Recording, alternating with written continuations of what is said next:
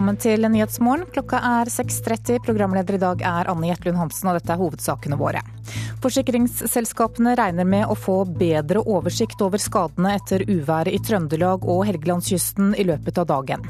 Da har folk fått oversikt, og nå har jo folk flest eh, telefoner med kamera osv., så, videre, så det er veldig lett å kunne dokumentere ting som er blitt ødelagt, og det hjelper også på i et skadeoppgjør sier Roald Stigum Olsen i Trygg Forsikring. Michelle Bachelet vant første valgomgang i Chile, men hun fikk under halvparten av stemmene, og da blir det en ny runde i desember. Og politiet skjerper våpenrutinene etter at de rykket ut uten våpen etter at tre mennesker ble drept på Valdresekspressen.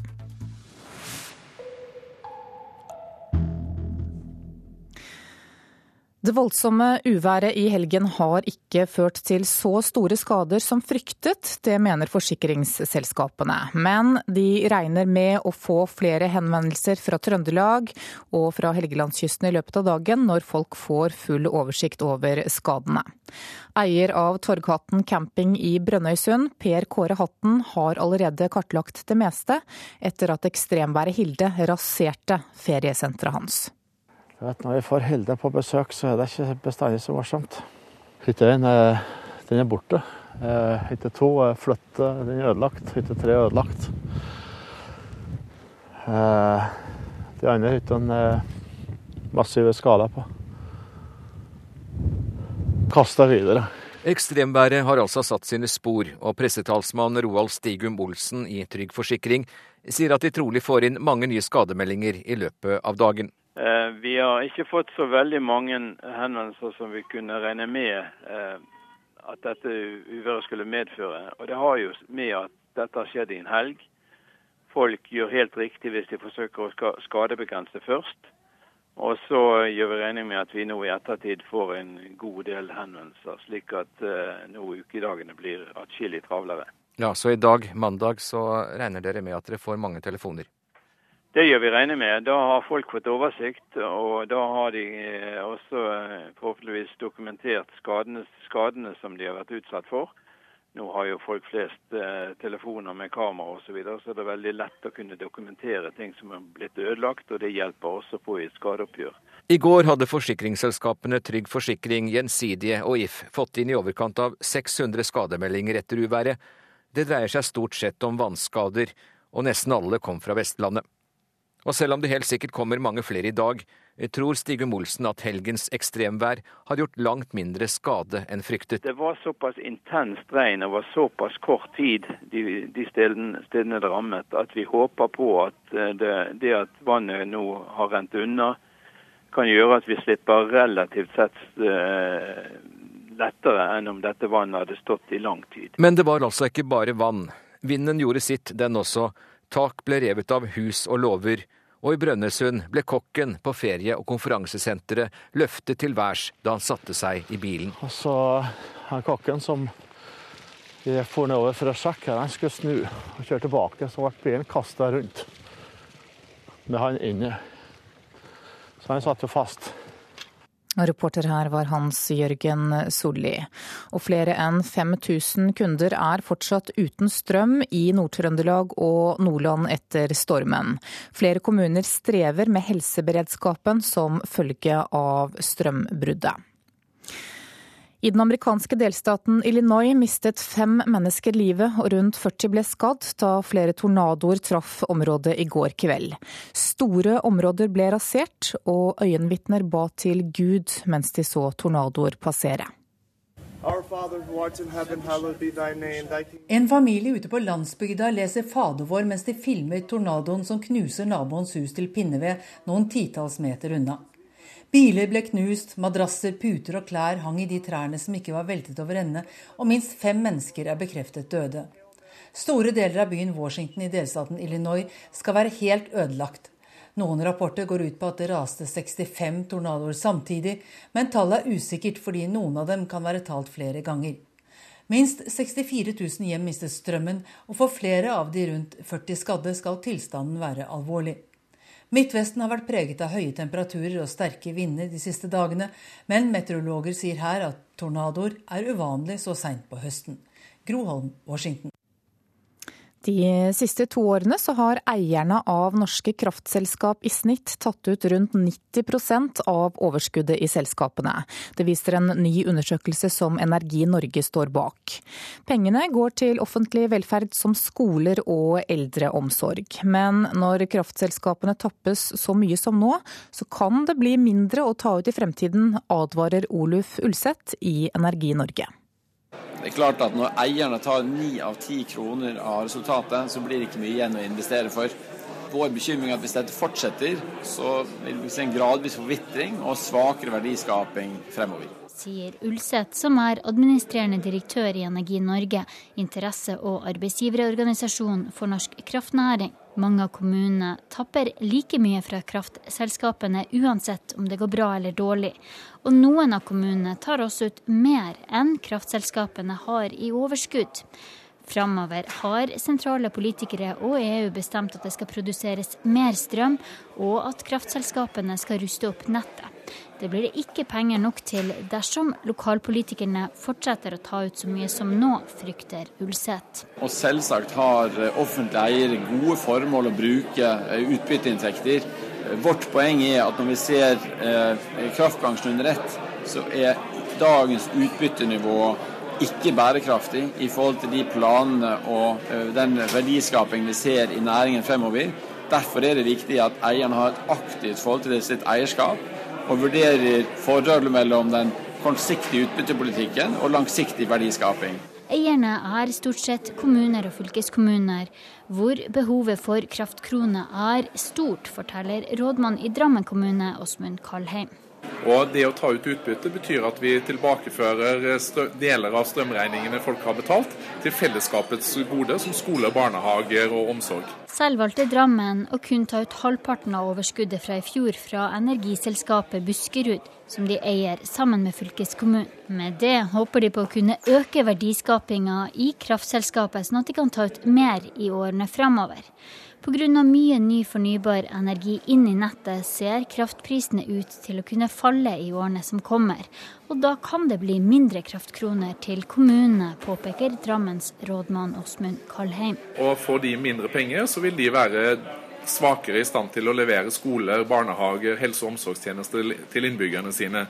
Så det er deg og meg som rammes når grunnlaget for eh, utbytte blir lavere.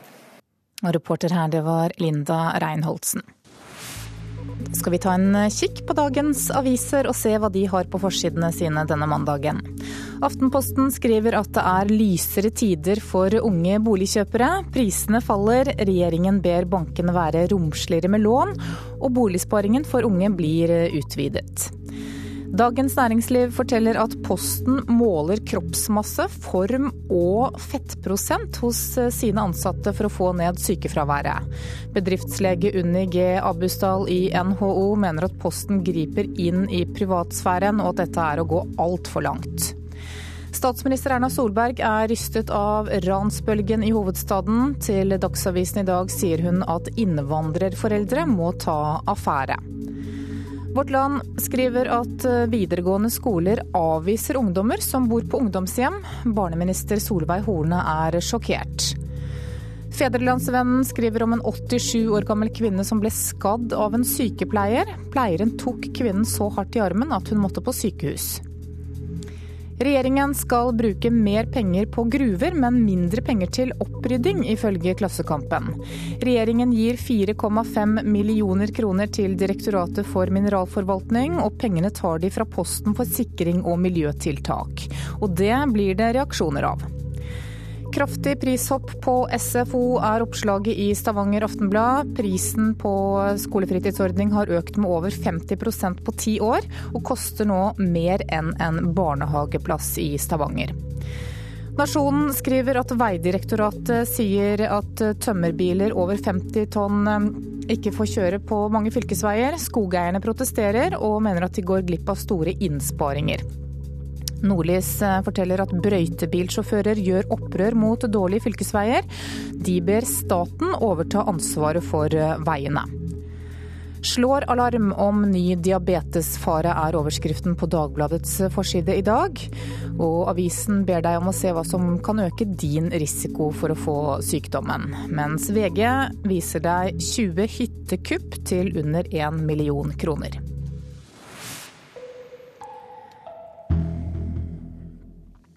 Skal vi til eh, Chile, for sosialdemokraten Michelle Bachelet var storfavoritt og fikk også klart flest stemmer i presidentvalget i går.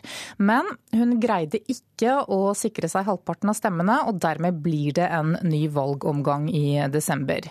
Benedicte Bull, du er latinamerikaekspert og førsteamanuensis ved Universitetet i Oslo. Bachelet var president i Chile fra 2006 til 2010, og så fikk altså overlegent flest eh, stemmer i valget i går. Hvorfor er hun så populær? Ja, eh, Det har nok eh, med en blanding av personlige og politiske årsaker. Hun er en person som, som, gir tillit. Hun er en person det er lett å stole på. Og hun var enormt populær i sin siste presidentperiode, da hun også fikk gjennom en del sosiale reformer på bl.a. helse og pensjoner. Ehm, så har vel populariteten hennes på mange måter sunket litt i etterkant, fordi det er kommet opp ting fra hennes presidentperiode som ikke gikk utover hennes popularitet den gangen, men som har gjort det nå. Og det dreier seg ikke minst om manglende evne til å reformere utdanningssystemet, og det er noe som har kommet opp de siste fire årene med enorme studentdemonstrasjoner. Og det faktum at hun på en måte representerer eh, det politiske eh, etablissementet, hvis man kan snakke om det i Chile. Hva skiller henne fra de andre kandidatene i dette presidentvalget? Ja, hun er jo eh, representant for en stor eh, allianse som heter Den nye majoriteten. Den ligner litt på koalisjonen hun styrte sist, men den inkluderer nå også kommunistpartiet. Eh, og, så hun er på en måte en representant for en stor del av velgerne. Og hun er også en, en karismatisk type på sin måte. Eh, så eh, venstresiden har på en måte vært helt avhengig av at hun skulle komme tilbake til chilensk politikk etter å ha vært i FN-systemet for å vinne dette valget. Likevel så greide hun altså ikke å sikre seg halvparten av stemmene. Hvordan blir den videre prosessen nå før valget er endelig avgjort? Ja, Da blir det en ny valgomgang midten av september, nei, unnskyld, desember. Eh, da står det mellom henne og den ekstreme høyrekandidaten Evelyn Matei fra partiet ODI. De har tidligere aldri vunnet noe demokratisk valg. Og den tredje og fjerde kandidaten har begge sagt at de oppfordrer sine, stemmer, sine stemmere til enten å stemme på Bachelet eller å holde seg hjemme. Sånn at eh, hvem som blir president i Chile er relativt klart. Du mener at mange velgere krever grunnleggende endringer når de nå velger president. Hvilke reformer er det størst behov for i landet? Ja, det er som jeg nevnte utdanningsreform. Eh, også videre reformer av helsevesenet for å gjøre det mer inkluderende. Og så er det behov for en eh, valgreform. For i eh, Chile så har man et eh, system som er et, eh, altså et kretser med to kandidater. Og det er noe som favoriserer to store koalisjoner, og særlig den nest største. Og som sementerer på mange måter det politiske systemet i Chile og hindrer nye krefter å komme til. Og det er noe man nå har prøvd mange ganger å reformere, men så er det for sterke interesser mot det. Det ønsker man nå å reformere. Du har selv eh, møtt Bachelet. Hvordan vil du beskrive henne? Jeg vil beskrive henne som en veldig varm, eh, klok person. Eh, hun er eh, rett og slett bare en likende dame. Hun er ikke karismatisk på den måten man tenker presidenter i, i Latin-Amerika, som Salvador Allende var det, eller Hugo Chávez. Men hun er en person det er lett å stole på. Hun er en person du like gjerne kunne overlate landet som barna dine til på mange måter. Men så er hun da kanskje ikke noen stor eh, politisk visjonær, som noen har etterlyst. Men hennes eh, liketilhet gjør henne veldig veldig populær, særlig blant eh, de lavere eller fattigere befolkningslagene og blant kvinner. Takk for at du kom til Nyhetsmorgen, Benedikte Bull skal vi til USA, for det går dårlig med iverksettingen av president Barack Obamas helseforsikringsreform. På fredag så måtte presidenten for andre gang gå med på å utsette en del av reformen, og i Kongressen så er presidentens eget parti splittet i synet på hvor mye som må endres i den opprinnelige loven. Fredag stemte 39 demokrater i Representantenes hus for et republikansk forslag om å la de som vil, beholde sine gamle helseforsikringer på ubestemt tid, selv om de ikke tilfredsstiller kravene i Obamacare. Det skjedde til tross for at presidenten samme dag hadde gått med på at de kunne beholde sine gamle og i mange tilfeller rimeligere forsikringer ut neste år, dvs. Si maksimum ett års utsettelse. For den demokratiske mindretallslederen i huset, Nancy Pelosi, var det et nederlag at så mange stemte mot presidenten og mot eget parti. I går forsøkte en synlig presset Pelosi å forsvare helseforsikringsreformen som best hun kunne. Når folk virkelig forstår hva loven innebærer, så vil de like den, sa Nancy Pelosi, og siterte egentlig seg selv fra den gangen loven ble vedtatt for tre år siden. I virkeligheten har iverksettingen vært en katastrofe. Elendig forarbeid med den statlige markedsplassen for helseforsikring på nettet har gjort at bare 106 000 har kjøpt individuelle forsikringer fra 1.10 til nå. Det er bare en brøkdel av planen. Presidenten har aldri skåret så lavt på tillitsbarometrene. Han har løyet, mener mange. Han sa nemlig på forhånd at de som ville, kunne beholde sine forsikringer. Nå har millioner mottatt oppsigelsesbrev fra forsikringsselskapene fordi de gamle forsikringene ikke oppfyller kravene i den nye loven. Fredag ble altså Obama tvunget til å snu. Jeg forstår hvorfor folk er frustrert. Det ville jeg også vært, sa Obama, og la til at han forstår at han må jobbe for å vinne tilbake folks tillit. Enda mer rot, sier forsikringsselskapene. For hvordan skal de reklamere for forsikringer som vil være ugyldige om ett år? Og om nøyaktig ett år står mange demokratiske kongressrepresentanter på valg. For en del av dem kan det koste dyrt å være lojal mot presidenten nå når han trenger det som mest. Groholm, Washington. Du hører på Nyhetsmorgen nå. Klokka er 6.47, og dette er hovedsaker i nyhetene. Det voldsomme uværet i helgen har ikke ført til så store skader som fryktet, tror forsikringsselskapene. Energi Norge er bekymret over at fylkeskommuner og kommuner tapper kraftselskapene for penger. Og bli med oss videre, så skal du få høre at regissør Erik Poppe letter på sløret om sitt nye filmprosjekt.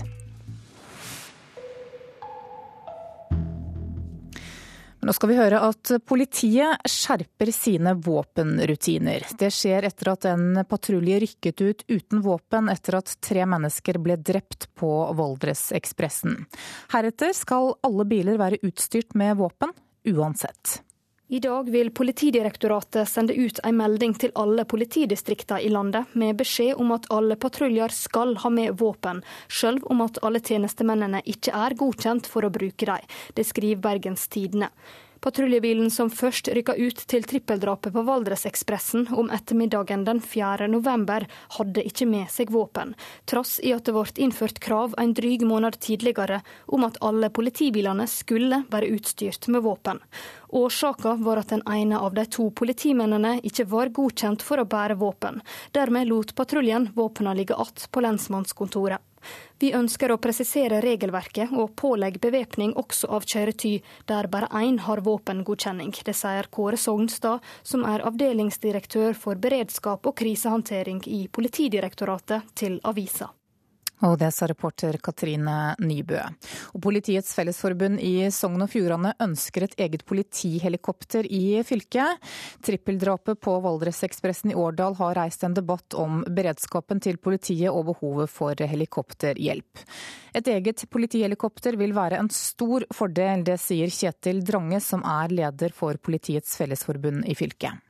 Det er klart, Hadde vi hatt et politihelikopter, så ville vi kunne forflytte Eh, ressurser og personell eh, hurtigere frem enn det vi må når vi skal kjøre. Vi har jo et utfordrende fylke, så luftveien vil være raskere.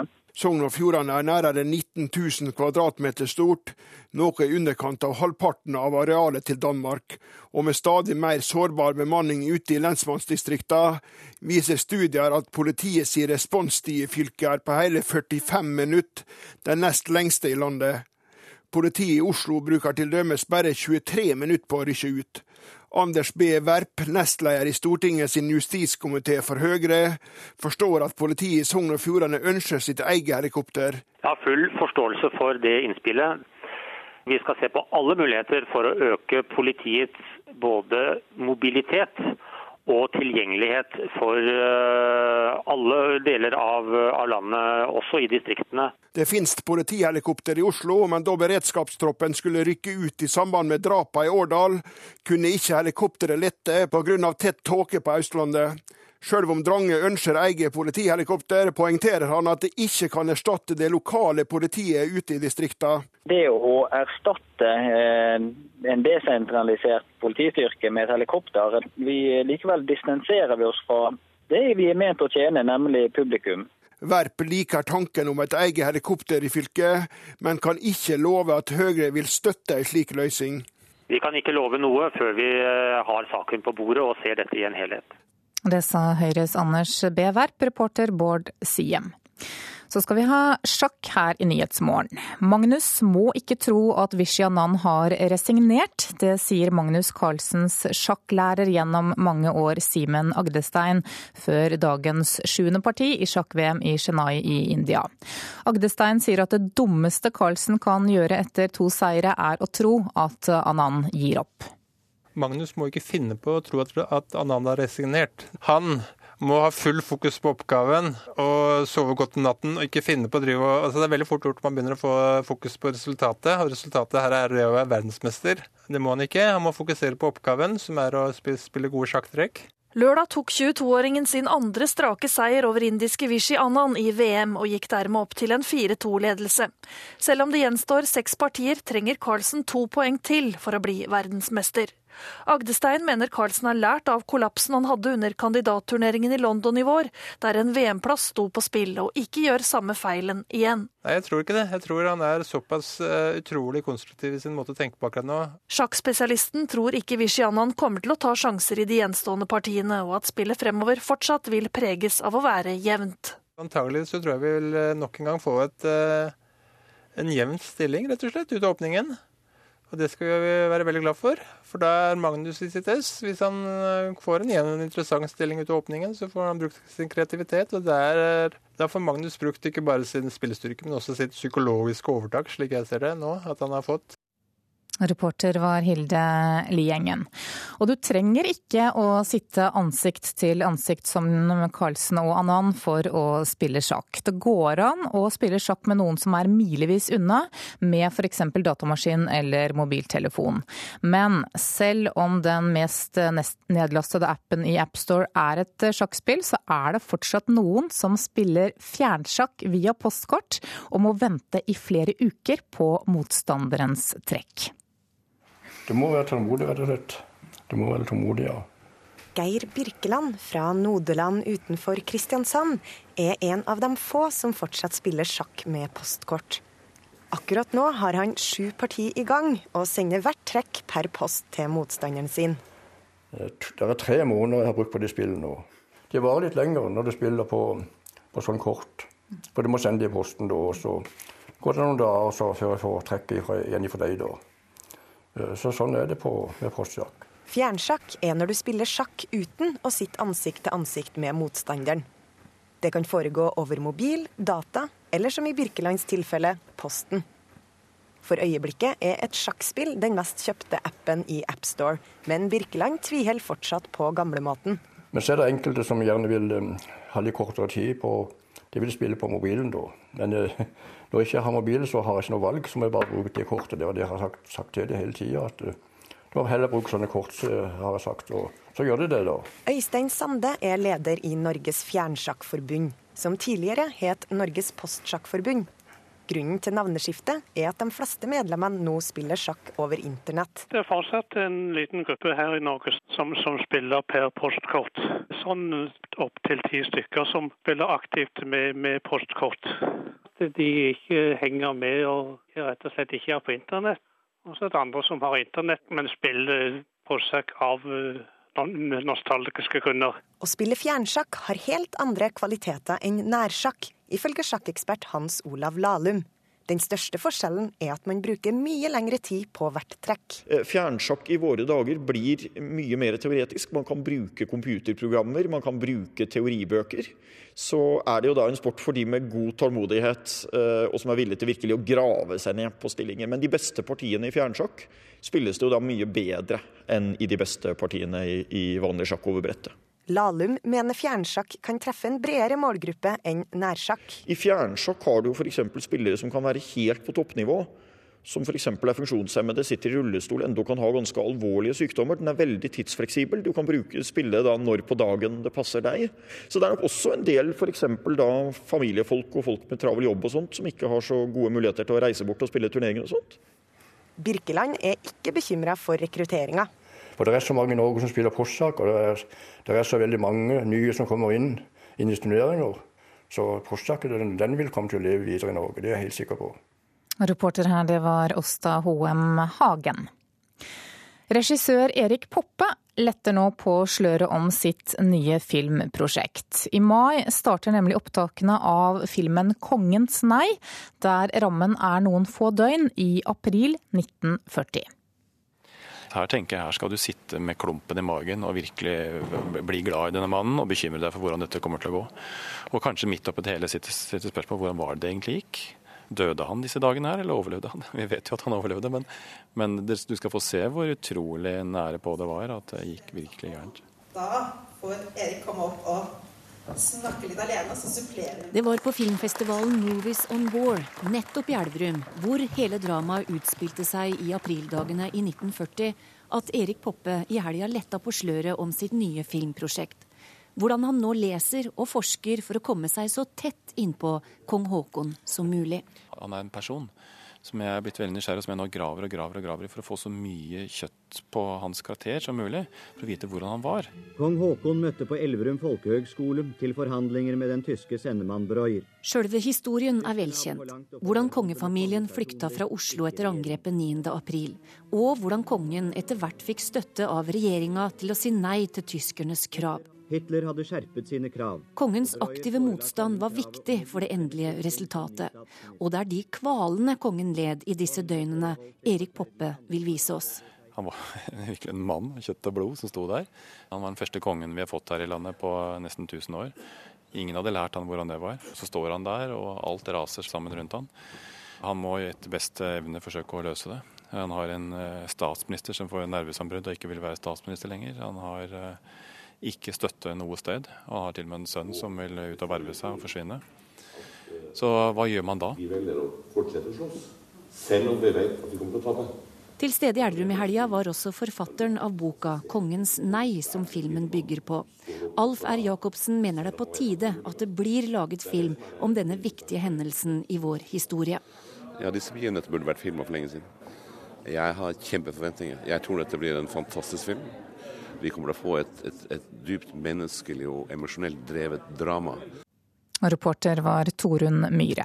Da skal vi se på et værvarsel som gjelder til midnatt. Fjellet i Sør-Norge, sørvestlig kuling utsatte steder i høyfjellet. Snø mest i vestlige deler av langfjellene. Østafjells til dels liten kuling på kysten. Regn, stedvis litt sludd eller snø. I kveld etter hvert opphold. Vestlandet sør for Stad i formiddag til dels liten kuling i nord. Regn og yr, snø i høyden. Sent i kveld stort sett opphold. Møre og Romsdal og Trøndelag vestlig og sørvestlig liten kuling. Regn og snø i høyden.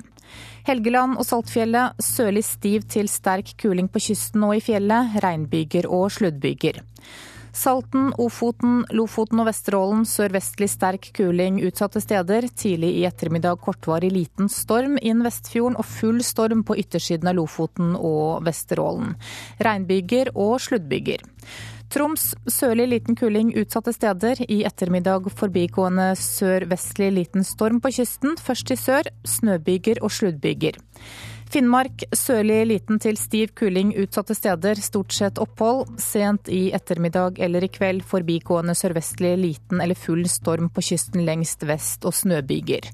Og på Nordensjøland på Spitsbergen enkelte snøbyger, senere opphold. Så tar vi med noen temperaturer som ble målt klokka fire. Da hadde Svalbard lufthavn minus ti grader, Kirkenes minus sju, Vardø og Alta minus tre, Tromsø minus én, Bodø sju, Brønnøysund fire, Trondheim sju. Molde 9, Bergen og Stavanger 6, Kristiansand 1, Gardermoen minus 3, Lillehammer 1, Røros 0, og på Oslo-Blindern så var det minus 2 grader da klokka var fire. Mange tusen innbyggere er fortsatt uten strøm etter uværet i helgen. Og Dyrevernalliansen vil ha strengere straff for grov dyremishandling. Her er NRK Dagsnytt klokka sju. Over 5000 husstander i Nord-Trøndelag og Nordland er fortsatt uten strøm etter uvær i helgen, og flere av kommunene i Nord-Trøndelag sier strømmangelen går ut over helseberedskapen. Kraftselskapene vet ikke om de greier å rette alle feilene i dag. Christian Stav i Nord-Trøndelag elektrisitetsverk sier de jobber så fort de kan. Nei, som sagt, Vi har jobba med full styrke nå gjennom hele helga. og mm. Fra morgentimen i dag nå så setter vi på 150 eh, personer i total som ikke gjør annet enn å rette feil. I tillegg så har vi tre helikoptre og etter hvert som det blir lyst, som skal ut og hjelpe oss å befare. Så vi håper at eh, flesteparten får tilbake strømmen i, løpet av dagen i dag. Men det er klart, eh, med så store skader, spesielt der hvor stolpene har brekt, så, så vil det ta lengre tid, og da spesielt i enkelte lommer. Eh, Hvilke hardest rammer? Du sa litt om det på, i starten. Ja, Det vi prioriterer nå, det er norddelen, altså Røyrvik, Namsskogan og Lierne, og, de områdene som ligger i nærheten der, med, med Høylandet Overhalla og litt på Namsos også. Mm. altså Der det er mange folk som ikke har strøm. Og så prioriterer vi gårdsbruk. Eh, det er klart gårdbrukerne er avhengig av strøm for å ivareta dyrehelsa, og det er svært viktig for oss. Så gårdsbruk er også prioritert.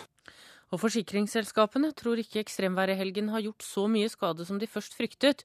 I går hadde de tre største selskapene fått inn rundt 600 skademeldinger. Selskapene regner med å få flere skademeldinger fra Trøndelag og Helgelandskysten i dag, når folk har full oversikt over skadene. Ingen blir dømt til lange fengselsstraffer for grov dyremishandling i Norge. Det er over ti år siden Stortinget vedtok å øke strafferammen for dyremishandling med opptil fengsel i tre år. Men en oversikt fra Dyrevernalliansen viser at den vanligste straffen for slike forbrytelser fortsatt er noen få ukers fengsel og noen tusen kroner i bot. Juridisk rådgiver i Dyrevernalliansen Live Kleveland sier straffene må opp. Har du begått uh, dyremishandling, så vil du typisk få en straff på 5000 eller 6000 kroner i bot. Eller en fengselsstraff på opptil seks ukers fengsel. Så spørsmålet er jo hva skal til når vi ser alle disse grusomme sakene? Hvor mye skal til for å få tre år? Det sa Live Kleveland i Dyrevernalliansen. Det kan bli en tøff vår i arbeidslivet. Rentehoppet for statsansatte med statslån blir en del av lønnsoppgjøret nå. Både Unio og Norsk tjenestemannslag forbereder en kravliste. Titusenvis av organisasjonenes medlemmer får økte utgifter som følge av at regjeringen øker renten på statslånene 1.3 neste år. NRK Dagsnytt, Tone Nordahl. Er klokka 7.03 og Nyhetsmorgen fortsetter med Anne Jetlund Hansen i studio. Vi skal straks høre at rentehoppet for statsansatte blir en del av lønnsoppgjøret. Og så er Amnesty på vei hit. De krever nemlig at Qatar må svare for den elendige behandlingen av landets utenlandske arbeidere. Men aller først så skal det handle om hvordan vi straffer mishandling av dyr.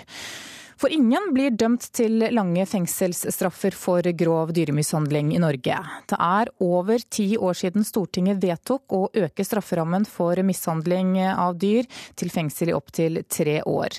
Men en oversikt fra Dyrevernalliansen viser at den vanlige straffen for slike forbrytelser fortsatt er noen få ukers fengsel og noen tusen kroner i bot. Og også Mattilsynet reagerer på de lave straffene. Se på fargen på slimhinna. Ehm, at de er rosa, frisk og fin. Det går bra for denne firbente krabaten på smådyrklinikken ved Norges veterinærhøgskole i Oslo. Da er det verre når du må obdusere en tre måneder gammel valp som er mishandlet til døde. Det er knusningsskade over neserygg og, eh, og kjeve. Sier veterinærpatolog Karoline Åkesson ved Veterinærhøgskolen. Hun obduserte valpen og hun vitnet mot hundeeieren i retten. Det er eh, flere mm, ribbensbrudd av forskjellig alder, så har, den har blitt fått brudd på ribbein mange ganger. Hundeeieren ble dømt til fire måneders fengsel. Han hadde også mishandlet en annen hund. Den overlevde, men det gjorde altså ikke valpen. Den hadde store brannskader på undersiden av magen. Eh, andre grads forbrenning. Den hadde blødning i hele omkretsen av anus. Og så hadde den store blødningsskader i hjernehinnene. Dyrevernalliansen har gjennomgått samtlige dommer i dyrevernsaker fra 2001 og fram til januar i år, for å finne ut om samfunnet har reagert med strengere straffer etter at strafferammen økte fra et halvt år til tre års ubetinget fengsel.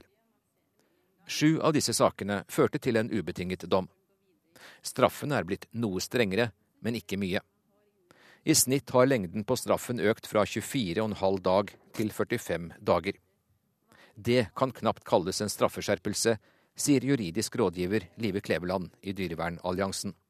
Har du begått uh, dyremishandling, så vil du typisk få en straff på 5000 eller 6000 kroner i bot. Eller en fengselsstraff på opptil seks ukers fengsel. Dommen mot hundeeieren som fikk fire måneders fengsel, er så fersk at den ikke har kommet med i oversikten til Dyrevernalliansen. Dette er altså den strengeste dommen som er gitt for å ha mishandlet dyr her i landet. Men Kleveland lurer på hva som skal til for at straffen skal bli enda strengere. Dyrevernalliansen jobbet hardt for å få opp strafferammen, og signalet fra Stortinget har vært klart tre år. Eh, så spørsmålet er jo hva skal til når vi ser alle disse grusomme sakene? Hvor mye skal til for å få tre år? Mattilsynet sitter med oversikter som bekrefter Dyrevernalliansens funn. Straffenivået er lavt, sier tilsynsjuridisk sjef Ellen Hestenes. Jeg syns jo det er eh, lave eh, straffereaksjoner i forhold til de eh, overtredelsene som vi ser på som særlig alvorlige. Dyrevernalliansen mener Riksadvokaten bør sende ut et rundskriv eh, om at straffenivået i dyremishandlingssaker skal opp. Eh, fordi gjeldende straffenivå ikke gjenspeiler Stortingets klare ønske. Kom med et godt forslag, så skal vi vurdere dette nærmere, svarer Riksadvokaten, og mer vil han ikke si foreløpig. Hvor mye har en valpen lidd? Jeg antar at den har lidd mye. At den har hatt eh, både frykt og vondt og store smerter. Hva døde den av? Den døde sannsynligvis av eh, eh, sjokk Reporter her var Hans Jørgen Solli. Rentehoppet for statsansatte med boliglån blir en del av lønnsoppgjøret neste år. Både Unio og Norsk tjenestemannslag forbereder en liste med krav etter at titusener av medlemmer får økte renteutgifter. Jeg eh, har jo benytta meg av denne fordelen vi har i tariffavtalen vår sjøl. Sier Leif Erling Helland i Norsk tjenestemannslag. I dag har statsansatte gunstig lån i statsbankene, men regjeringen setter opp renta med 0,75 prosentpoeng 1.3. Som NRK fortalte fredag, kan rentehoppet gi lavere boligpriser. Endringen gjør også lommeboka til forbundssekretær Helland tynnere. Vi har gått og snakket om hjemme at vi skulle ha pustet opp uh, badet, og det er jo dyrt. Og der uh, er det vel nå sånn at vi, vi, må, vi rett og slett må, må legge det på is. da. Det blir ca. en tusenlapp i måneden som, eh, som, jeg da må slutte å bruke på noe annet og begynne å bruke på boliglån. Dårligere råd får også svært mange andre NTL-medlemmer. Helland sier det vil merkes til våren. At dette får konsekvenser i kravene fram mot eh, lønnsoppgjøret, det er, det er jeg ganske sikker på. For dette, må, dette, er utgifter som jeg må hente inn igjen en eller annen plass, rett og slett. Det samme sier Unio-leder Anders Folkestad. Vi har fått uh, flere illsinte reaksjoner på det som, det som, har skjedd her, så, så dette berører privatøkonomien til, uh, til, mange. De fleste av Unios 320 000 medlemmer jobber i offentlig sektor. Svært mange har sett på de gunstige lånerentene som en kompensasjon for relativt lave lønninger. Dette oppfatter medlemmer som et uh, økonomisk bakholdsangrep. Det rammer den enkelte. det rammer en kollektiv ordning i, eh, i staten. Så uh, ut ifra det så, så, må Unio ta denne problemstillinga med seg inn i eh, tariffoppgjøret. Og jakte på muligheter for å bøte på den skaden som er skjedd.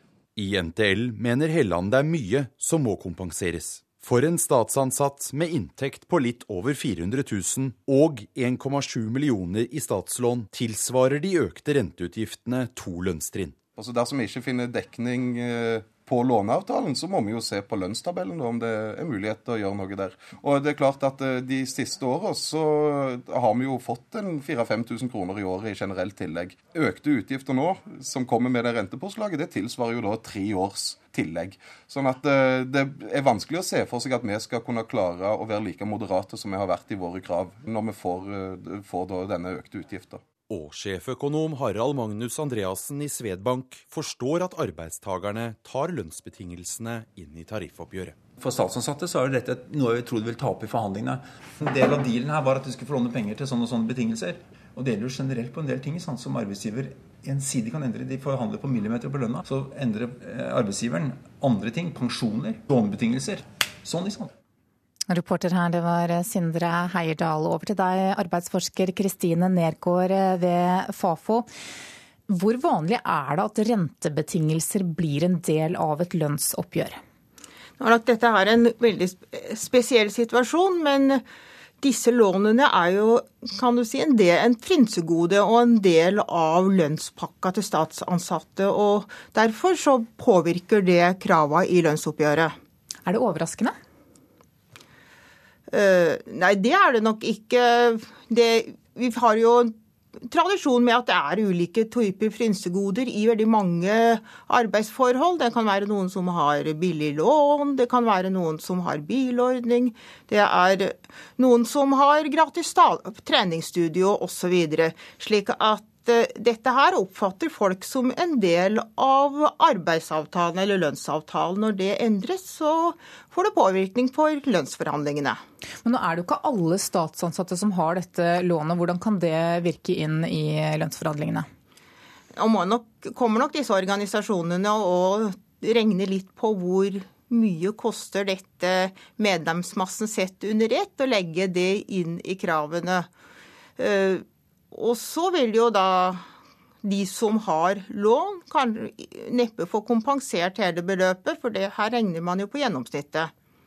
Men kan dette spre seg på noen måte? Betyr det at alle vi andre også kan bruke rentehopp på lån som argument for å få høyere lønn? Det vil jo være de som da har billig lån gjennom arbeidsgiver. For dette denne endringa som skjer nå, det rammer jo ikke bare statsansatte, men det rammer jo også andre grupper som har billige lån i arbeidsforholdet. Det har jo vært vanlig bl.a. i bank- øh, og finansieringssektoren. Hva tror du arbeidsgiverne svarer til dette her? Eh, de kommer vel antagelig til å si at dette her er bestemt av Stortinget, men nå har jo disse lånene vært del av lønnsoppgjøra i staten staten eh, lenge. Det kom vel inn sånn skikkelig i, på slutten av 1980-tallet, da et veldig lavt beløp ble heva. Og det er jo først og fremst beløpet som har vært forhandla i eh, forbindelse med lønnsoppgjørene, nå sist i 2010, da man økte maksimumsbeløpet fra jeg tror det var fra 1,5 million til 1,7 millioner.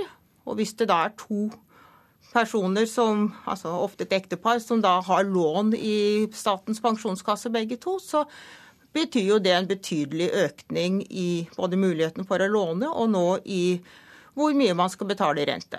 Men hva med da hvis det kommer en periode hvor renta går ned, kan da arbeidsgivere bruke det som motargument i, eh, i lønnsforhandlinger senere?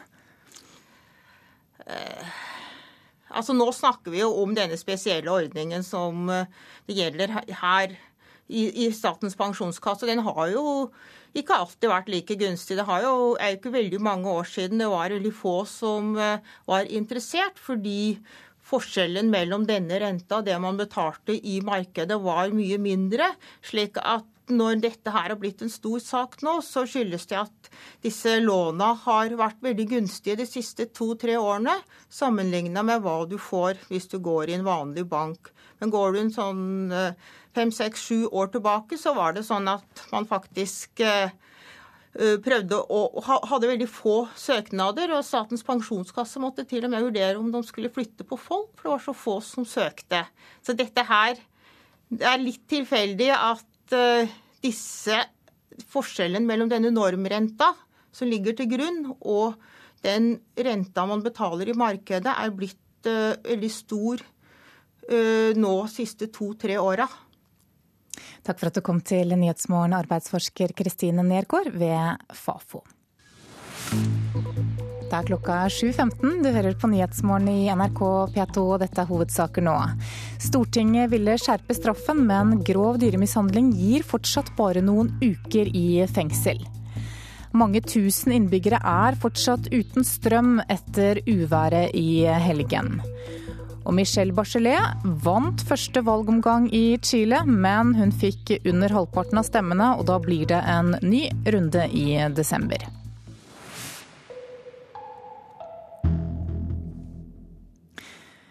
To menn nekter straffskyld etter at de er tiltalt for å ha drept en 25 år gammel britisk soldat på gata i London i våres.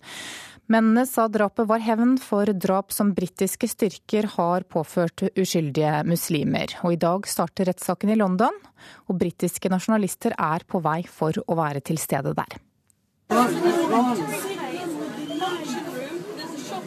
Sjokkerte øyenvitner tror knapt det er sant det de ser, og det de har sett skje 22. mai i år. En mann er drept på åpen gate sørøst i London. Først kjørt rett ned av en bil, deretter stormet to menn ut av bilen bevæpnet med kniver og en kjøttøks og angrep mannen. Idet mannen er drept, går en av de blodige gjerningsmennene bort til en av dem som står rundt og filmer med et mobilkamera. Han vil snakke. Muslims are dying daily by British soldiers, and this British soldier is one han vil rettferdiggjøre drapet. Det skjer fordi britiske soldater tar liv i hans hjemland, sier han. Skjønt selv er han og den andre mannen britiske statsborgere, men med nigeriansk opphav. Den ene har vokst opp i et kristent hjem, men har konvertert. Nå har de drept 25 år gamle Lee Rigby fra Manchester. Soldat, trommeslager og småbarnsfar. De har drept ham i Allahs navn, sier de. Etter en skuddveksling med politiet ble de to lagt lettere skadd inn på sykehus. I dag møter de to i retten her i London tiltalt for drap, men begge nekter straffskyld. Drapet er fordømt fra alle religiøse miljøer, politikere, ja alle. Men hendelsen brukes politisk. En busslast med nasjonalister fra Nordvest-England er også ventet hit. De bruker hendelsen for hva den er verdt for å sanke støtte til sin sak. Sikkerhetstiltakene vil være mange. Espen Aas, London. Israel og Saudi-Arabia skal i all hemmelighet være i ferd med å legge en plan for et angrep på Irans kjernefysiske anlegg. Ifølge diplomatiske kilder The Sunday Times har snakket med, så har Saudi-Arabia gitt Israel tillatelse til å bruke landets luftrom ved et angrep mot Iran. I tillegg skal de ha tilbudt eh, ubemannede fly, redningshelikoptre og fly for etterfylling av drivstoff. Det pågår forhandlinger om å skrinlegge ødelegge Irans kjernefysiske program, men de tidligere erkefiendene Israel og Saudi-Arabia er begge misfornøyde med USAs nye tilnærming til eh, landet. Menneskerettighetsorganisasjonen Amnesty krever at Qatar må svare for den elendige behandlingen av landets utenlandske arbeidere. De utgjør hele 94% av arbeidskraften, og de fleste kommer fra Sør- og Sørøst-Asia. Mange har slavelignende kontrakter you know, the government states in meetings with us and publicly that it, it, wants to protect workers. There are some laws in place that should protect workers. Qatariske myndigheter sier til oss i Amnesty at de ønsker å beskytte arbeiderne. Men det hjelper lite når lovene de har ikke settes ut i livet eller respekteres, sier James Lynch fra Amnesty International. Han er Amnestys researcher i den arabiske golfen. Qatar er et knøttlite land, men rikdommen er enorm. Qatarere har folk fra land som Bangladesh, Nepal, India, Sri Lanka, Egypt, Pakistan og Filippinene til å ta de tyngste jobbene. Og den utenlandske arbeidskraften utgjør hele 94% av den totale arbeidsstyrken. I nesten uutholdelig varme bygger de Qatars skinnende skyskrapere, mens de selv lever under svært kummerlige forhold. Jeg pleide å jobbe fra fire om morgenen til ti-elleve-tiden om kvelden. Uten pause, sier Bupendra fra Nepal til Amnesty. Spurte vi om en spisepause, pleide arbeidslederen fra bedriften å si har du kommet hit for å jobbe eller for å spise? Jeg hadde så lyst til å slutte, men måtte fortsette å jobbe fordi jeg hadde gjeld å betale, sier bygningsarbeideren. Well, been uh, many, many months. Uh, Vi har møtt arbeidere som ikke har fått lønn på et helt år. Og de får ikke forlate Qatar fordi arbeidsgiverne som oppbevarer passene deres, ikke vil gi dem tilbake. De har ingen rettigheter, sier Lynch fra Amnesty. Qatar vil sette seg selv på kartet som en fotballnasjon, og skal arrangere fotball-VM i 2022. Og det er nå de tolv storslåtte stadionene skal bygges, med aircondition. Av de utenlandske arbeiderne. Now is the moment to act, and that, that applies both to the, the organizing committee det er nå tiden er inne for regjeringer verden over å ta opp Qatars utnyttelse av sine utenlandske arbeidere, sier Amnesty-researcheren. Norge har også interesser i Qatar. Ved fjorårets slutt hadde oljefondet 129 millioner kroner investert i 26 selskaper i gasslandet. 66 millioner er investert i private obligasjoner, og 464 millioner i qatarske statsobligasjoner totalt 661 millioner kroner. Amnesty oppfordrer norske myndigheter til å ta opp migrantarbeidernes situasjon med Qatar. Reporter var Sissel Wold. Rådgiver Beate Ekeløve Slydal i Amnesty, velkommen. Takk. Dere offentliggjør altså en rapport om forholdene for utenlandske arbeidere i Qatar. og Vi hørte i reportasjen at pass holdes tilbake, at de jobber uten pauser og at de ikke alltid får lønn som avtalt. Hvilke andre kritikkverdige forhold har Amnesty dokumentert? Ja, Det går jo på dette at mange, mange av de arbeider altså tolv timer hver dag, syv dager i uten. Uansett hva slags værforhold det er, for å si det slik. I den gloende varme heten midt på sommeren i Qatar. De bor under helt elendige forhold. Eh, og de har altså ikke rett til selv å skulle kunne beslutte om de vil slutte i denne jobben og reise tilbake til sitt hjemland, fordi arbeidsgiveren ikke bare tar fra dem passet når de ankommer Qatar, men ofte så er det de som også har ansvar for å skrive med de såkalte ID-papirene som du er pålagt å ha når du oppholder deg i Qatar. Og uten de så er du litt fritt vilt på gaten, fordi stanses du av politiet da, så er du altså ulovlig i Qatar og, og fengsles. Men noe av det verste er jo nettopp dette med at de er eh, helt prisgitt sin egen arbeidsgivers forgodtbefinnende for hvordan de skal behandles. Og flere av de hurtigvoksende økonomiene i Midtøsten har fått kritikk for lignende forhold. Hva blir gjort for å bedre arbeidsforholdene? Det er jo sterk internasjonal eh, lobbying som forsøksvis skal forsøke å gjøre med dette her. Nå har vi vår eh, store gransking og rapport som legges frem nå, som skal kunne legge press på myndighetene i Qatar, samt for resten av verden til å reagere, inkludert norske myndigheter. Men som du påpeker, dette er jo forhold som gjelder i, i nabolandene også. Eh, så vi kommer til å komme med flere rapporter. ILO FNs internasjonale eh, arbeidsorganisasjon har et stort fokus på dette. Men det er jo helt eh, påkrevende at andre land, som da også Norge, holder dette her høyt på saksagendaen i enhver dialog med Qatar og nabolandene. For dette er helt uakseptable forhold. Men i hvilken grad bryr myndighetene i Qatar seg om denne type kritikk? Vi får jo se nå, da. For det, egentlig har det vært altfor lite fokus på denne problematikken så langt, mener vi. Eh, så vi håper jo at denne rapporten vår og de nye rapportene som vi kommer til å ha fremover, vil bidra til at myndighetene må svare for seg. Eh, vi har en god dialog med dem. Eh, problemet er at på den ene siden så har de for så vidt gode lover, men de håndheves overhodet ikke. Så det er da et frislepp for de kyniske arbeidsgiverne som da vil utnytte denne arbeidskraften fra Asia og Sørøst-Asia. Og så har de lover som ikke kan være der. Og det er som jeg har nevnt dette at arbeidsgiverne er de som skal ta passene fra arbeidstakerne, samt de som skal utstede ID. Den type ordninger, de må oppheves. Takk for at du kom til Nyhetsmorgen, rådgiver Beate Ekeløve Slidal i Amnesty. Da skal vi ta en kikk på dagens aviser og se hva de har på forsidene sine denne mandagen. Aftenposten skriver at det er lysere tider for unge boligkjøpere. Prisene faller, og regjeringen ber bankene være romsligere med lån, og boligsparingen for unge blir utvidet. Dagens Næringsliv forteller at Posten måler kroppsmasse, form og fettprosent hos sine ansatte for å få ned sykefraværet. Bedriftslege Unni G. Abusdal i NHO mener at Posten med dette griper inn i privatsfæren og at de har gått altfor langt. Statsminister Erna Solberg er rystet av ransbølgen i Oslo. Til Dagsavisen i dag sier hun at innvandrerforeldre må ta affære. Vårt Land forteller at videregående skoler avviser ungdommer som bor på ungdomshjem, og barneminister Solveig Horne er sjokkert.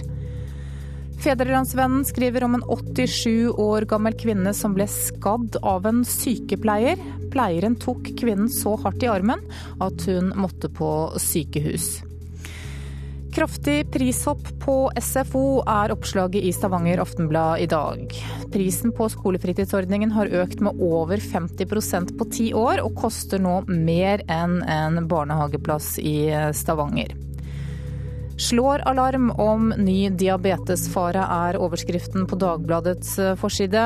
Og avisen ber deg se hva som kan øke din risiko for å få denne sykdommen. Mens VG viser deg 20 hyttekupp til under 1 million kroner.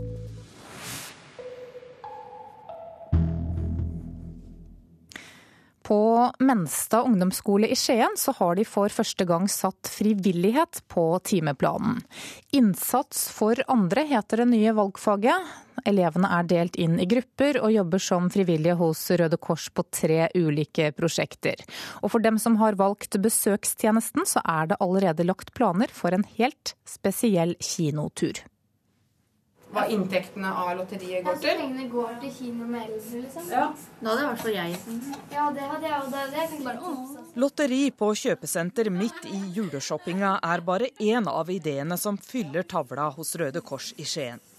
For elevene fra Menstad med frivillighet på timeplanen har satt seg et mål. Nå trenger de penger for å få gjennomført sine gode gjerninger. Inspirert av en reklame de har sett på TV, skal ungdomsskoleelevene glede eldre med en kinotur i desember. Vel, jeg tenkte det var hyggelig å kunne gjøre noe for andre. Og hjelpe eldre folk som kanskje er litt ensomme. Kanskje at de blir litt overrasket, men jeg tror også de syns det kommer til å bli koselig å få en mulighet til å komme litt ut. Og ikke bare sitte inne. jeg tror det er fordi at de er litt ensomme, tror jeg. Litt ensommere enn noen andre aldersgrupper. da. At det, det kanskje er mista ektemann eller kone eller noe. da. Og tenke litt sånn er jeg litt aleine, da? Skal jeg ta hjemmetjeneste på hjemmetjeneste i, i, Skien? Det ligger mye arbeid bak, og de skal snart også finne ut hvem de skal invitere med. For frivillighetskoordinator hos Røde Kors i Telemark, Jeanette Arnesen Eriksrød, betyr møtet med de unge frivillige mye. Jeg gleder meg så utrolig til hver gang jeg skal være sammen med dem. For de er jo en inspirasjonskilde eh, for meg. Så å se hvilke tanker de har overfor det å ønske å bidra med å glede andre. Mm. Hva er det elevene kan lære av dette her? De kan lære all jobben som ligger eh, bak det å være frivillig.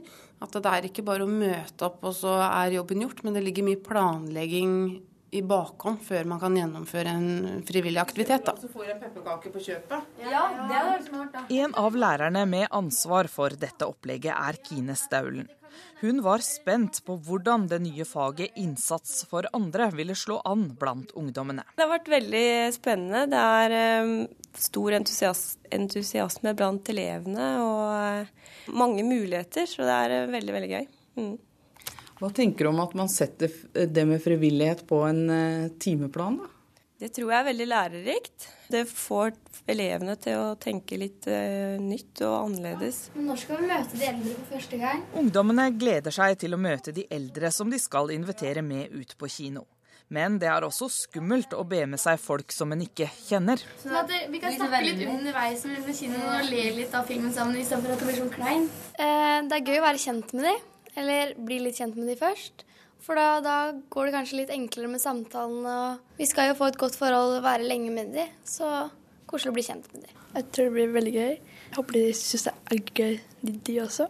15 kinobilletter er allerede sponsa av kinoen i Skien. Men elevene vil samle inn penger til å invitere flere, og også ha penger til transport og popkorn. Det skal ikke mangle på noe. Jeg syns det er gøy å gjøre andre glad. og se fjeset deres da, eller hva jeg skal si? Nei, det blir jo en god følelse man får av å hjelpe andre og kanskje bidra litt til å gjøre livet deres bedre. Dere gleder dere litt, eller nå, tror jeg? Ja, veldig. Da det var reporter Stine Bakke, Hansen Bakkebø som hadde møtt elever fra Menstad ungdomsskole i Skien. Du lytter til Nyhetsmorgen. I Politisk kvarter klokka 7.45 så blir det debatt om familiepolitikk. Der møter SV, Venstre og KrF. Produsent for Nyhetsmorgen i dag er Ulf Tannes Fjell, og her i studio Anne Jetlund Hansen.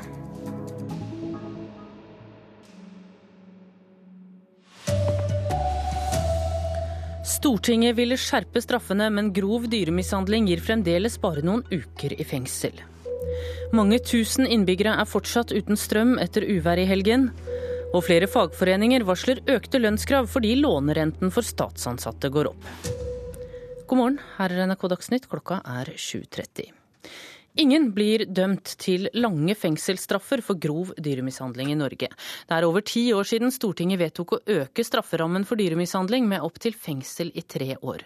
Men en oversikt fra Dyrevernalliansen viser at den vanlige straffen for slike forbrytelser fortsatt er noen få ukers fengsel og noen tusen kroner i bot. Også Mattilsynet reagerer nå på de lave straffene. Se på fargen på slimhinna.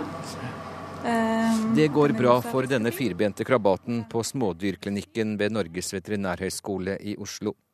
Men veterinærpatolog Karoline Åkesson måtte obdusere en tre måneder gammel valp som var mishandlet til døde.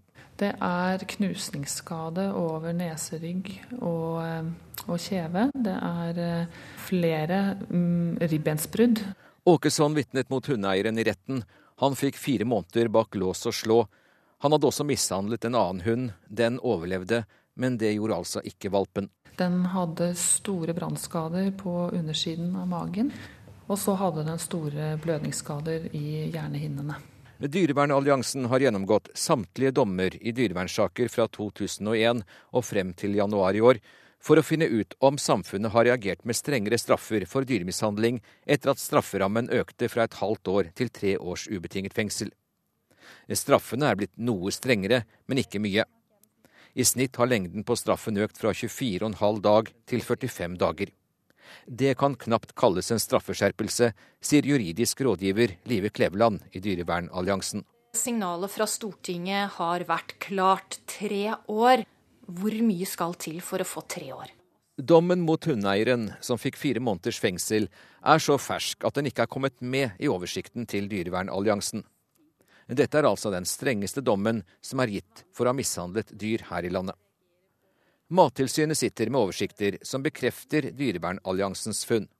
Straffenivået er lavt, sier tilsynsjuridisk sjef Ellen Hestnes. Jeg syns jo det er eh, lave eh, straffereaksjoner i forhold til de eh, overtredelsene som vi ser på som særlig alvorlige. Reporter her var Hans Jørgen Solli. Over 5000 husstander i Nord-Trøndelag og Nordland er fortsatt uten strøm etter uvær i helgen, og flere av kommunene i Nord-Trøndelag sier strømmangelen går utover helseberedskapen. Kristian Stav i Nord-Trøndelag elektrisitetsverk sier de jobber så fort de kan med å rette feil. Fra morgentimen i dag nå så setter vi på 150 eh, personer i totalt som ikke gjør annet enn å rette feil. I tillegg så har vi tre helikopter og etter hvert som det blir lyst, som skal ut og hjelpe oss å befare. Så vi håper at eh, flesteparten får tilbake strømmen i, løpet av dagen i dag. Men det er klart, eh, med så store skader, spesielt der hvor stolpene har brekt, så, så vil det ta lengre tid. Og de tre største forsikringsselskapene her i landet har så langt fått 600 skademeldinger etter ekstremværet. I USA er minst fem mennesker døde og over 40 skadd etter at tornadoer har rast gjennom Illinois og andre delstater i Midtvesten. Den voldsomme vinden har gjort stor materiell skade og knust hus til pinneved. Lokale myndigheter frykter at dødstallet vil stige. Det nasjonale værsenteret har mottatt 79 rapporter om tornadoer. Mange hundre tusen er uten strøm i Midtvesten. Det kan bli tøffe tak i vårens lønnsoppgjør. Nå varsler flere fagforeninger at renteøkningen for statsansatte blir en del av oppgjøret. Både Unio og Norsk tjenestemannslag krever kompensasjon, fordi titusenvis av deres medlemmer får økte renteutgifter. Jeg eh, har jo benytta meg av denne fordelen vi har i tariffavtalen vår sjøl. Sier Leif Erling Helland i Norsk tjenestemannslag. I dag har statsansatte gunstig lån i statsbankene, men regjeringen setter opp renta med 0,75 prosentpoeng 1.3. Endringen gjør også lommeboka til forbundssekretær Helland tynnere. Det blir ca. en tusenlapp i måneden som, eh, som, jeg da må slutte å bruke på noe annet og begynne å bruke på boliglån. Dårligere råd får også svært mange andre NTL-medlemmer. Økte utgifter nå, som kommer med det rentepåslaget, det tilsvarer jo da tre års tillegg. Sånn at eh, det er vanskelig å se for seg at vi skal kunne klare å være like moderate som vi har vært i våre krav, når vi får, eh, får denne økte utgifter. Dette er utgifter som vi må hente inn igjen en eller annen plass, rett og slett. Det samme sier Unio-leder Anders Folkestad. Vi har fått uh, flere illsinte reaksjoner. De fleste av Unios 320 000 medlemmer jobber i offentlig sektor. Dette oppfatter medlemmer som et uh, økonomisk bakholdsangrep. Det rammer den enkelte, det rammer en kollektiv ordning i, uh, i staten. Så ut ifra det så, så, må Unio ta denne problemstillinga med seg inn i tariffoppgjøret og jakter på eh, muligheter for å bøte på eh, den skaden som er skjedd. Reporter her var Sindre Heierdal. Statsminister Erna Solberg ber innvandrerforeldre ta mer ansvar etter ransbølgen i Oslo. I oktober var det i snitt fire ran hver dag, og det gjør Oslo til den mest ransutsatte hovedstaden i Norden. Solberg sier det er viktig at ungdommene ser at ran får konsekvenser, og at man får stoppet ransbølgen. I natt ble fire menn arrestert etter et nytt ransforsøk i Oslo. Alle de fire er kjent for politiet fra før for ran og ransforsøk. Britiske nasjonalister inntar hovedstaden London i dag, der to menn er tiltalt for drapet på en soldat i mai i år. De tiltalte hevder de begikk drapet som hevn for britiske styrkers drap på uskyldige muslimer, og de nekter straffskyld. Muslims are dying daily by British soldiers, and this British soldier is one Videoen hvor en blodig mann med en kjøttøks i hånden rettferdiggjør drapet han og en annen mann nettopp har begått på åpen gate sørøst i London 22. mai i år, gikk nær verden rundt. Mannen fortalte inn i mobilkamera til et øyenvitne at det var hevn for drapene britiske styrker begår på uskyldige muslimer. Offeret var en 25 år gammel soldat, småbarnsfaren Lee Rigby. Etter skuddveksling med politiet ble begge arrestert og står i dag tiltalt for drap. Høyreekstreme i det britiske nasjonalistpartiet annonserte så sent som i går kveld fortsatt at de hadde ledige plasser igjen på busser til London, hvor de skal følge rettssaken og slå politisk mynt på den. Skjønt mordet er fordømt fra alle religiøse så vel som ikke-religiøse miljøer. Men brutaliteten fortsetter å sjokkere. Espen Aas, London. Så til VM i sjakk. Magnus Carlsen må ikke tro at Vishy Annan har resignert. Det sier Magnus Carlsens eh, sjakklærer gjennom mange år, Simen Agdestein, foran dagens sjuende parti i VM i Chennai i India. Agdestein sier det dummeste Carlsen kan gjøre etter to seire, er å tro at Annan kommer til å gi opp. Magnus må ikke finne på å tro at Annan har resignert. Han må ha full fokus på oppgaven og sove godt om natten. og ikke finne på å drive altså Det er veldig fort gjort man begynner å få fokus på resultatet. og Resultatet her er å være verdensmester. Det må han ikke. Han må fokusere på oppgaven, som er å spille gode sjakktrekk. Lørdag tok 22-åringen sin andre strake seier over indiske Vishy Anand i VM, og gikk dermed opp til en 4-2-ledelse. Selv om det gjenstår seks partier, trenger Carlsen to poeng til for å bli verdensmester. Agdestein mener Carlsen har lært av kollapsen han hadde under kandidatturneringen i London i vår, der en VM-plass sto på spill, og ikke gjør samme feilen igjen. Nei, Jeg tror ikke det. Jeg tror han er såpass uh, utrolig konstruktiv i sin måte å tenke på akkurat nå. Ja, det sa Simen Agdestein. Reporter her var Hilde Liengen. Og Norsk Fjernsjakkforbund håper det som skjer i India også skal få flere til å spille mot hverandre via nettet eller på mobiltelefonen. Eller gjøre som enkelte få ildsjeler gjør, velge postsjakk. Du må være tålmodig, rett og slett. Du må være tålmodig, ja. Geir Birkeland fra Nodeland utenfor Kristiansand er en av de få som fortsatt spiller sjakk med postkort. Akkurat nå har han sju parti i gang, og sender hvert trekk per post til motstanderen sin. Det er tre måneder jeg har brukt på de spillene nå. Det varer litt lenger når du spiller på, på sånn kort. For du må sende det i posten da, og så går det noen dager så før jeg får trekket igjen fra deg. da. Fjernsjakk er når du spiller sjakk uten å sitte ansikt til ansikt med motstanderen. Det kan foregå over mobil, data eller som i Birkelands tilfelle, posten. Og nå håper vi jo på denne på såkalt Magnus-effekten. Øystein Sande er leder i Norges Fjernsjakkforbund.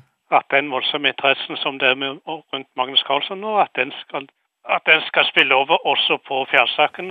For øyeblikket er et sjakkspill den mest kjøpte appen i AppStore. Når jeg ikke har mobil, så har jeg ikke noe valg, så må jeg bare bruke det kortet. Det var det jeg har sagt, sagt til dem hele tida. At eh, du må heller bruke sånne kort, har jeg sagt. Og så gjør de det, da.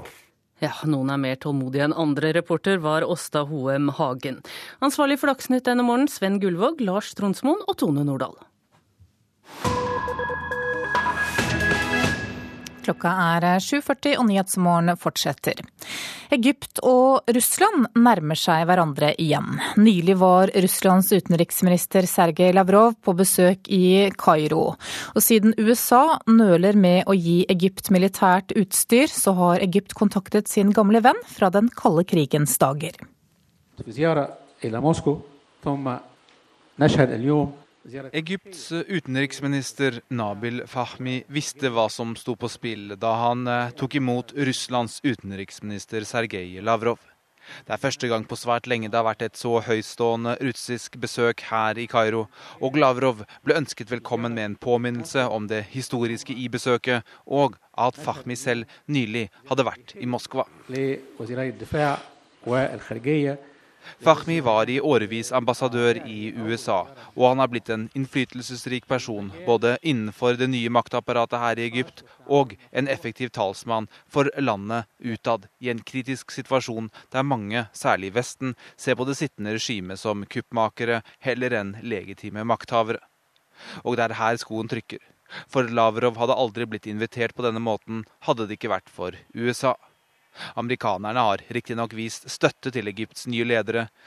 Brorskapet blir knapt nevnt av amerikanere på besøket her lenger, men de har holdt tilbake noe av den militære støtten pga. situasjonen.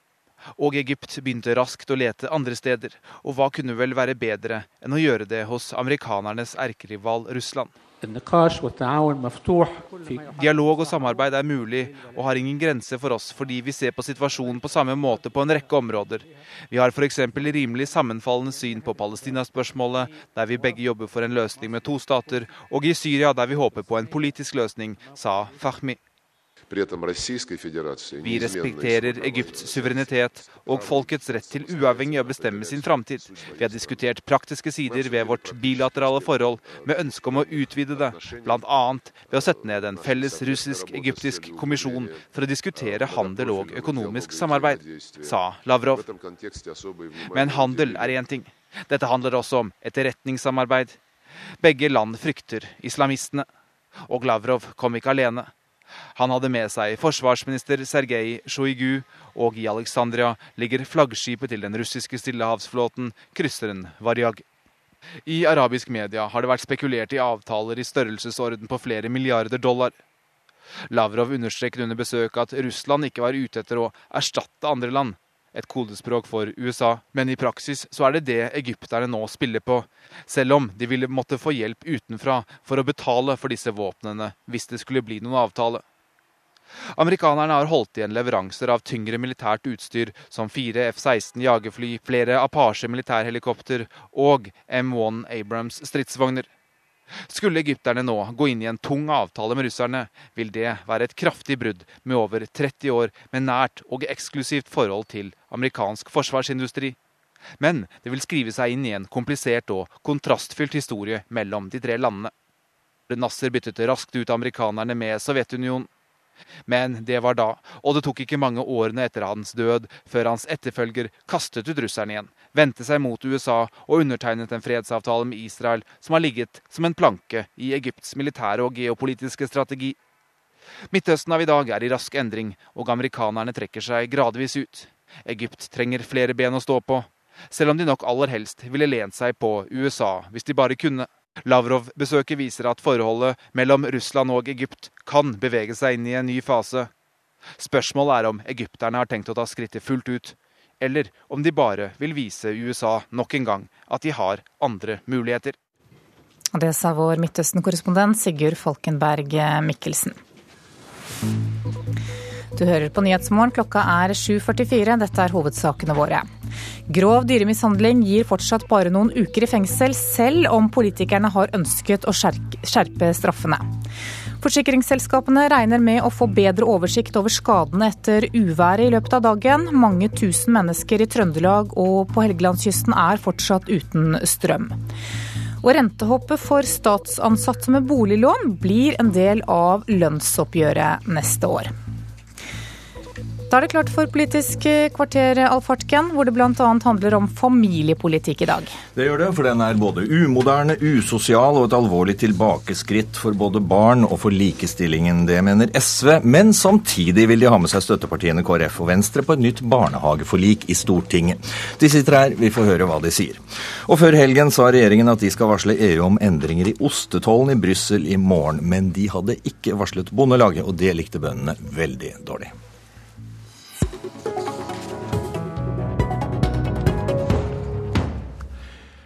SV-leder Audun Lysbakken, denne umoderne og usosiale familiepolitikken som dere kaller det, med økt kontantstøtte og som konsekvens færre barn i barnehagen, den vil altså du til livs ved å få med deg de samme partiene som har stått for denne politikken, på et nytt barnehageforlik i Stortinget.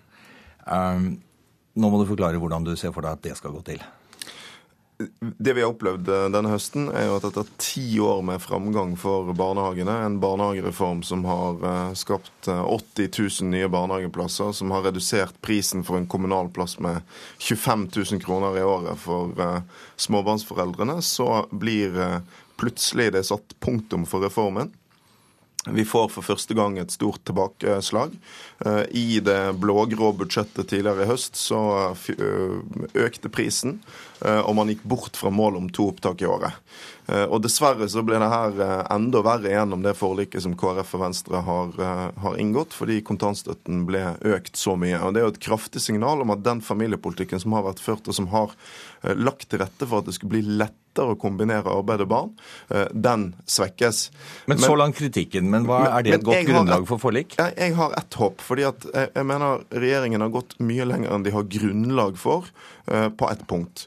Eh, og det er at det neste viktige steget i barnehagereformen det var to opptak i år. I år har vi ett opptak. Det betyr mye underlig familieplanlegging for folk som prøver å få barn før 1.9. Det betyr mye utrygghet for mange familier som har høstbarn.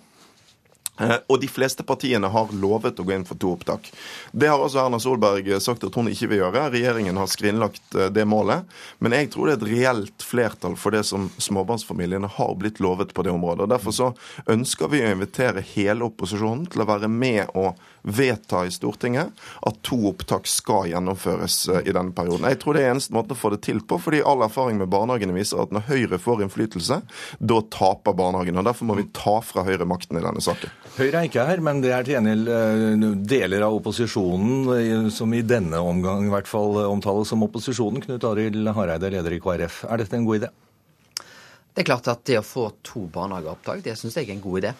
Samtidig har jeg lyst til å si at uh, nå har Audun Lysbakken uh, vært med å styre SV. De har sittet åtte år i regjering, og de har altså ikke fått på plass to barnehageopptak. Jeg tror at i løpet av de årene som kommer, så er det mulighet til å få nettopp denne saken på plass. Det har vært en viktig sak for, for KrF. Men når det gjelder familiepolitikk, så syns jeg det er viktig å, å tenke og ha et mål om valgfrihet. Uh, og jeg tror at familier er forskjellige barn er forskjellige, og det at vi har fleksibilitet i løsningene. Og det har jo vært hele vår tanke med å øke kontantstøtten for ettåringene. Det er med på å gi en større valgfrihet. Og det er i dag med på å gjøre en større fleksibilitet for de som òg ønsker en barnehageplass. I dag er det mange av de som har en ettåring som må vente til denne er to år før en får en barnehageplass. Med økt kontantstøtte så vil flere velge det.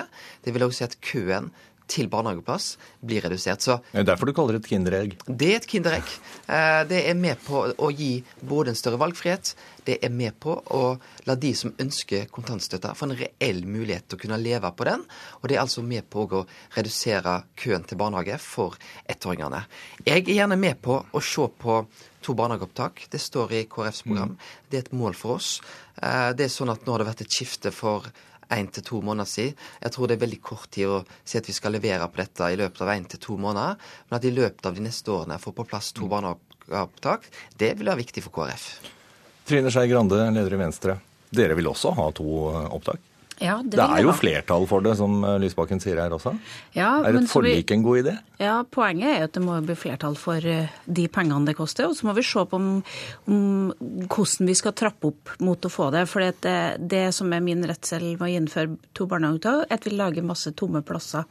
Og det er i hvert fall det som fagforeningene på det feltet har, har også påpekt. Så vi må se hvordan vi kan klare å få til en gradvis opptrapping og kanskje, kanskje en bedre organisering også av det. Men det som har vært viktig for for Venstre ved disse budsjettforhandlingene, er å få en større differensiering i prisen på barnehager. For eh, Audun har rett han i at det, de har fått ned prisen med nesten 20 000 for de familiene som har best råd. Mens de familiene som har dårlig råd i Norge, har stort sett de samme barnehageutgiftene som de har hatt i veldig mange år. Og For Venstre er det viktig å få til en større differensiering av barnehageutgiftene, sånn at de med god råd kan betale litt ekstra, og de med dårlig råd kan sikre seg inn tilgangen. Fordi alle All forskning viser at de som har mest utbytte av barnehage, det er de som kommer fra ressurssvake familier. Eh, de som har dårlig språkutvikling, eller, eller kanskje har en mamma hjemme som ikke snakker norsk. Det er de som har best utbytte av barnehageplassene, og det er dem vi burde ha strekt oss til å få inn i barnehage. Men er det ikke da de som forsvinner ut av barnehagen i stor grad, nå når eh, kontantstøtten øker og skatteklasse 2 beholdes? Ja, nå øker vi kontantstøtten for den gruppen da, som ikke blir Nettopp for å bøte på dette med to barnehageopptak. Og jeg tror jo at det viktige er å klare å Vi hadde jo gjerne skulle ha sett at vi klarer å få til gratis kjernetid i barnehage, spesielt for de gruppene det her er snakk om, dem med dårlig råd. Og det tror jeg det er viktig å se på framover, hvordan vi skal klare å nå fram til de ungene, de ungene som vi vet trenger dette mest.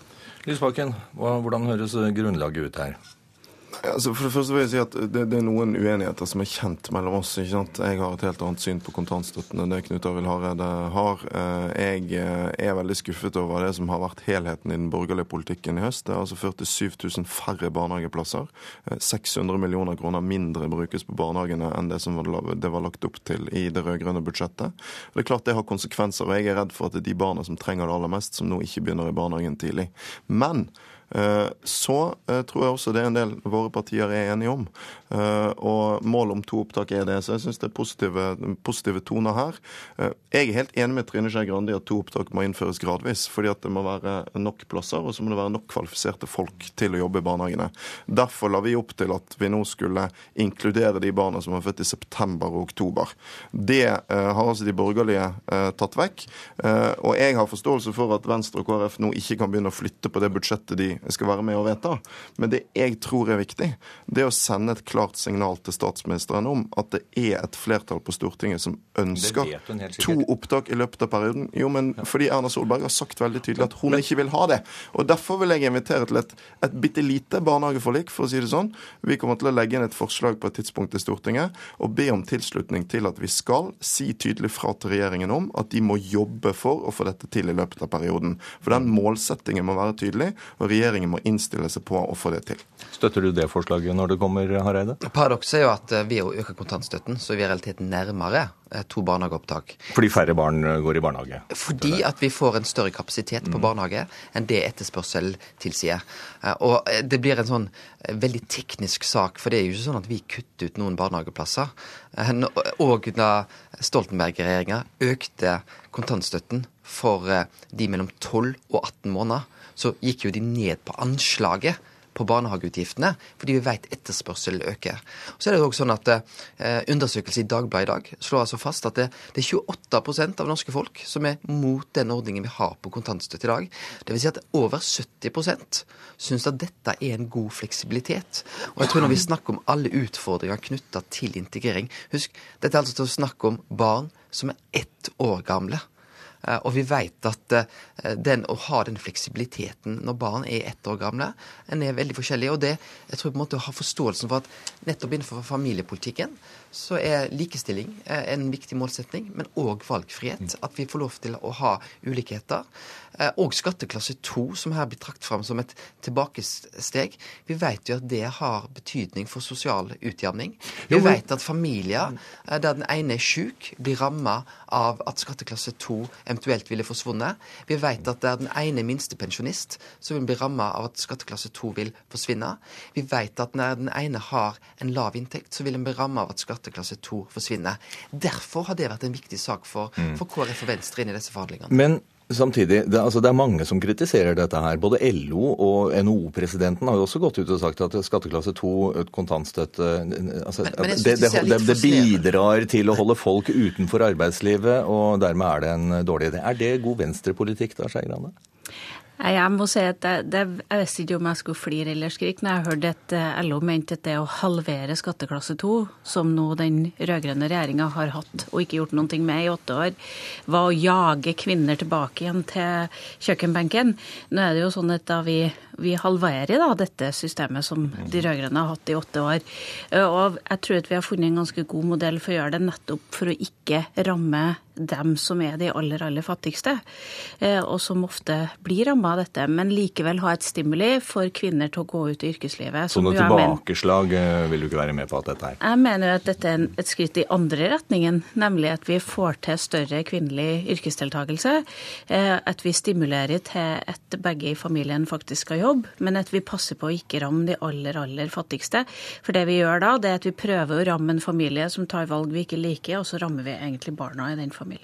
Det, det aller mest vellykkede med den norske modellen eh, de siste årene har vært at vi har klart å legge til rette for at man kan kombinere arbeid og familie. Summen av det som nå skjer, kortere pappapermisjon, kutt i barnehagene, ikke innfrielse av to opptak, eh, økt kontantstøtte, eh, man beholder skatteklasse to, eh, er altså i sum et tilbakeslag. Hvis du på toppen av det legger det regjeringen nå driver med på henvisningsnekt i abortsaken, at de har kuttet rubb og rake av satsinger på Likestillingsdepartementet sitt budsjett, så kommer du i sum jeg tror ikke vi tar så kom- så- Nei, men du kommer i sum til en ganske tydelig endring av retning som er negativ. Men Lysbakken, en ting, ja, men en ting, du, en ting du ikke svarte på fra Hareide her. Altså, dette er jo å møte seg sjøl i døra litt vel bråfort, er det ikke det? det? Dette har dere kunnet gjennomføre når vi snakker om barnehageopptakene. Det Dette har dere en- kunnet det- gjennomføre i årevis. Er det én ting jeg har veldig god samvittighet for, så er det det SV har gjort på barnehager. 62 600 nye plasser er resultatet av vår regjeringsår. Eh, Dette var neste steg,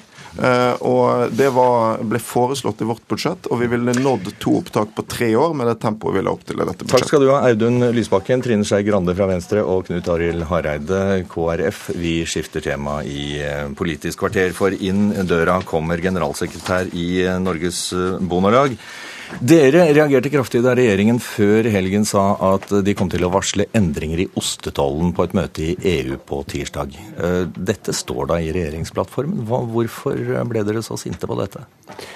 Nei, vi er, vi er svært overraskende over det. eh, Og vi eh, opplever at dette er en provokasjon mot norsk matproduksjon. Og da kan jeg jo minne om at eh, bare for et par, knappe to uker siden så, så gikk Sylvi Listhaug, landbruks- og matministeren, ut med at de ville frede ostetollen dog inntil videre, men at det var behov for å gå grundig inn og se nærmere på konsekvenser osv. Jo, men altså, denne ostetollen den kom altså i år. Det var jo melkebønder i Norge før den tid, for å si det sånn. Altså, hvorfor er denne nå blitt så umåtelig viktig for dere? Eh, Det er fordi at eh, importen eh, inn til Norge den har faktisk fra år 2000 og fram til i dag doblet seg. sånn at det er en alvorlig trussel mot norsk selvforsyningsgrad.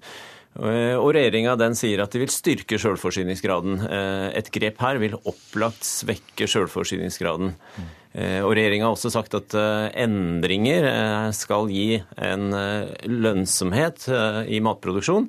Dette, En slik endring som de her går inn for, vil bare gi lønnsomhet for EUs landbruk.